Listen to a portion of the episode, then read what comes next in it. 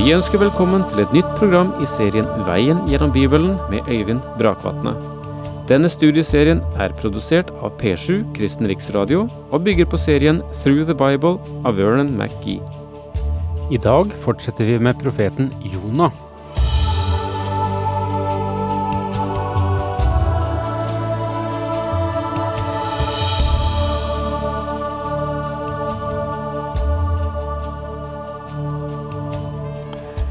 Vi har bare akkurat startet på Jonaboken.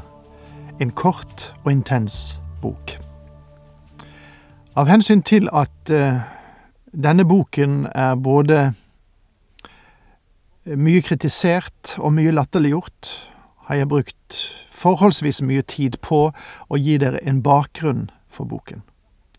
Tegne litt av omstendighetene, og lagt et perspektiv på Jonah-boken. Men sist vi var sammen, kom vi i alle fall et stykke inn i teksten, og vi griper tak igjen der, i kapittel én, kapittel én, vers tre. Men Jonah gjorde seg klar til å rømme for Herren til Tarsis. Han dro ned til Jaffa og fant et skip som skulle dit.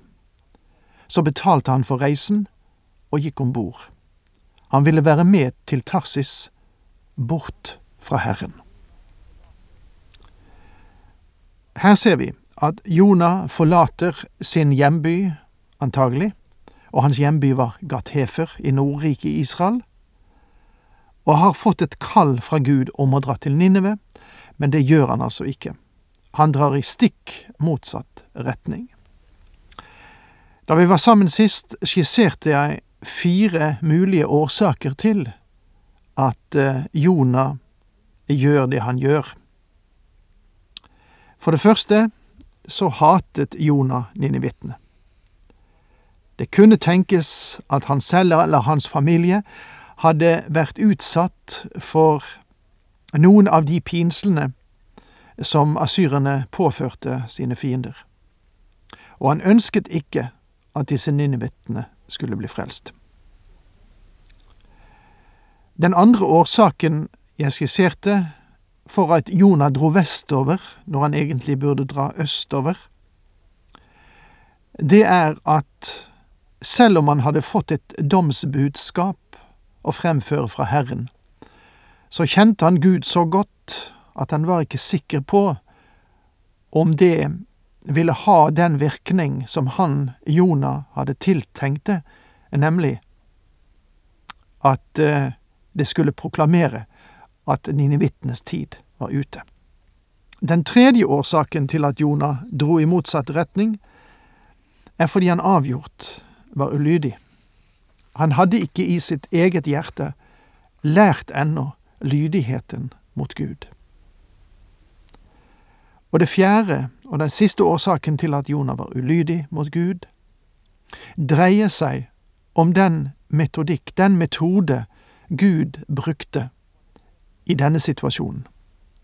Vanligvis var det hedningefolkene som kom til Israel for å møte Gud.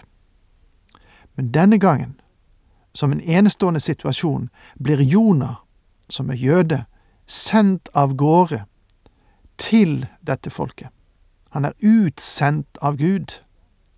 Og han kommer til Ninive for å fortelle dem om Herrens planer. Så her møter vi altså en, en helt ny metode. I Det gamle testamentet sier Gud til folkene Kom, kom til Jerusalem, kom til det sted hvor mitt nærvær finnes. Men i Det nye testamentet, og i den situasjonen vi står i, sier Gud ikke kom, men han sier til oss gå.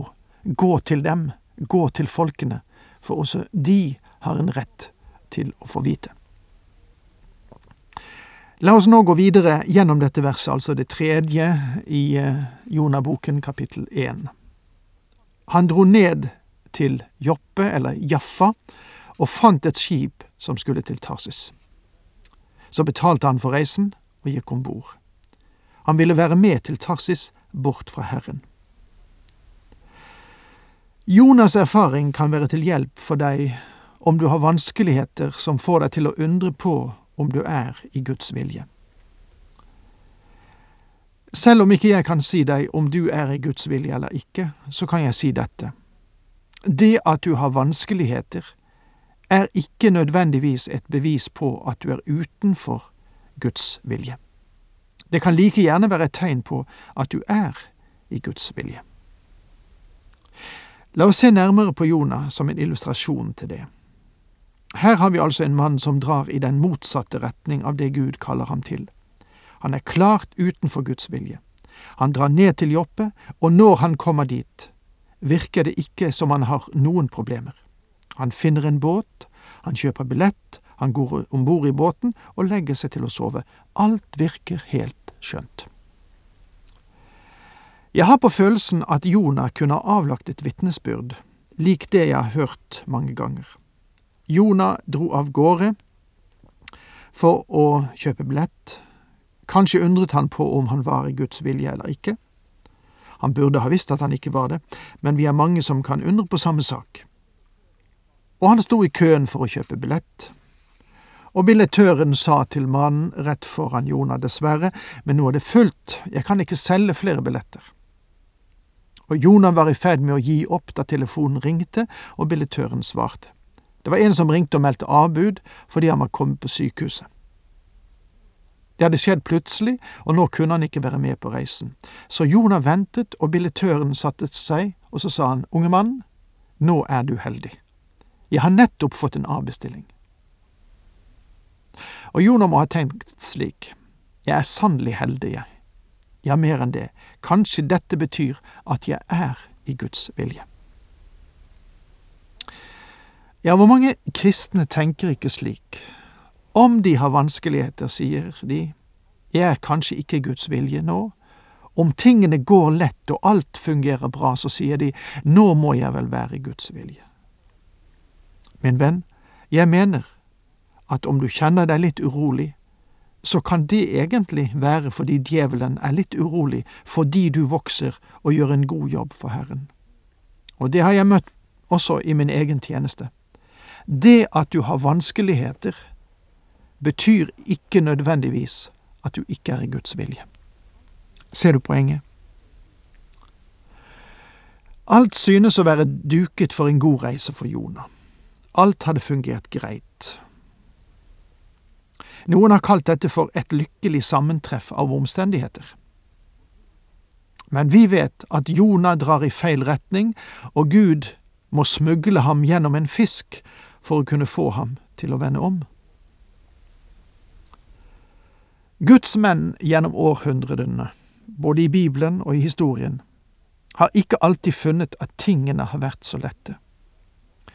Deres omstendigheter har ikke vært så lykkelige. Forholdene har vært vanskelige. Helt fra min barndom har jeg bevart en begeistring for David Livingston. Men leser du hans historie, så møter du sannelig en som fikk lide.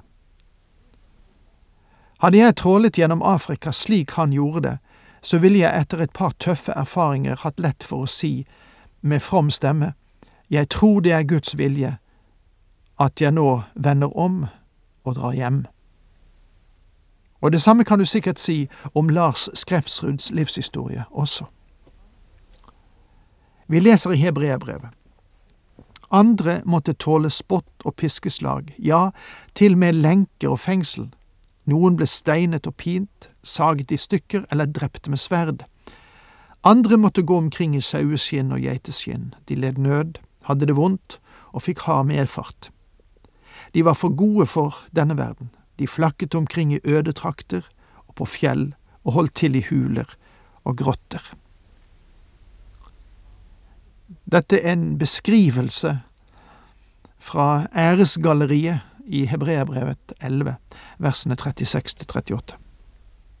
Vi leser også i Hebreabrevet at noen unnslapp sverdets egg ved tro, mens andre ble drept med sverd.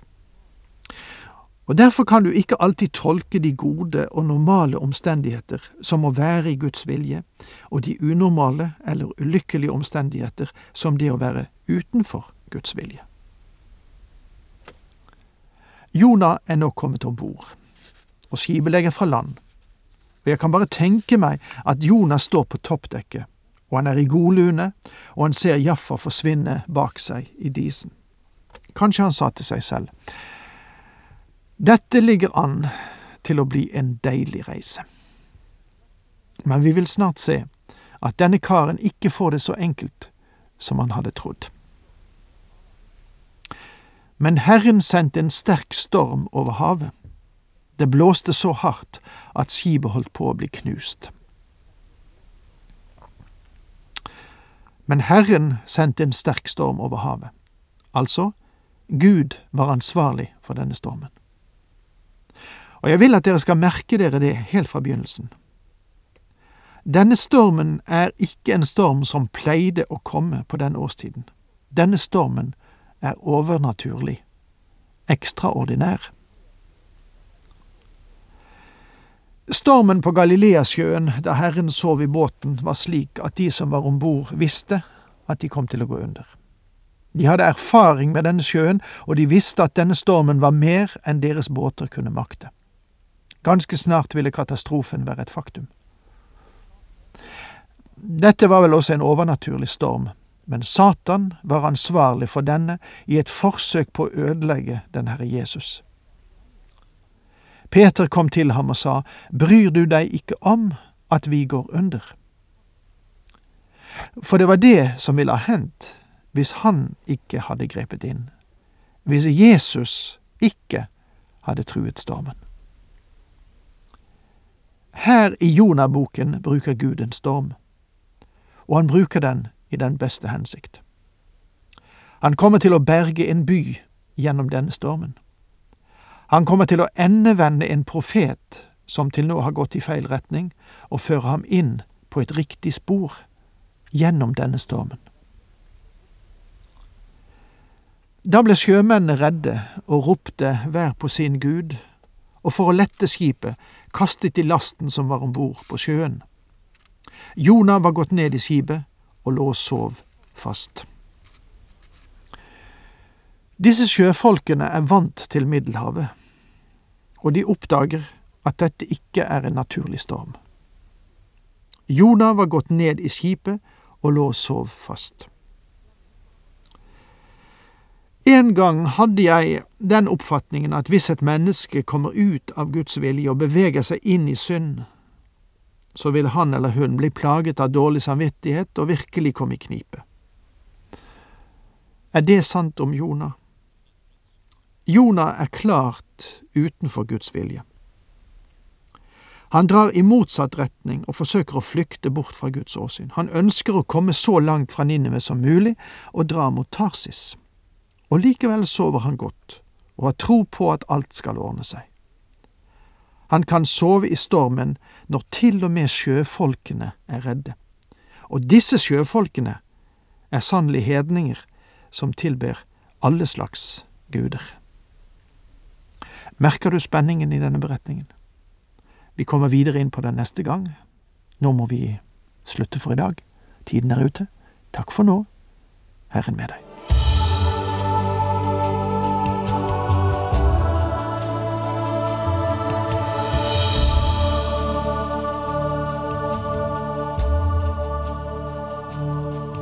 Du hørte Øyvind Brakvatne i studieserien Veien gjennom Bibelen. Serien bygger på et manus av Vern McGee.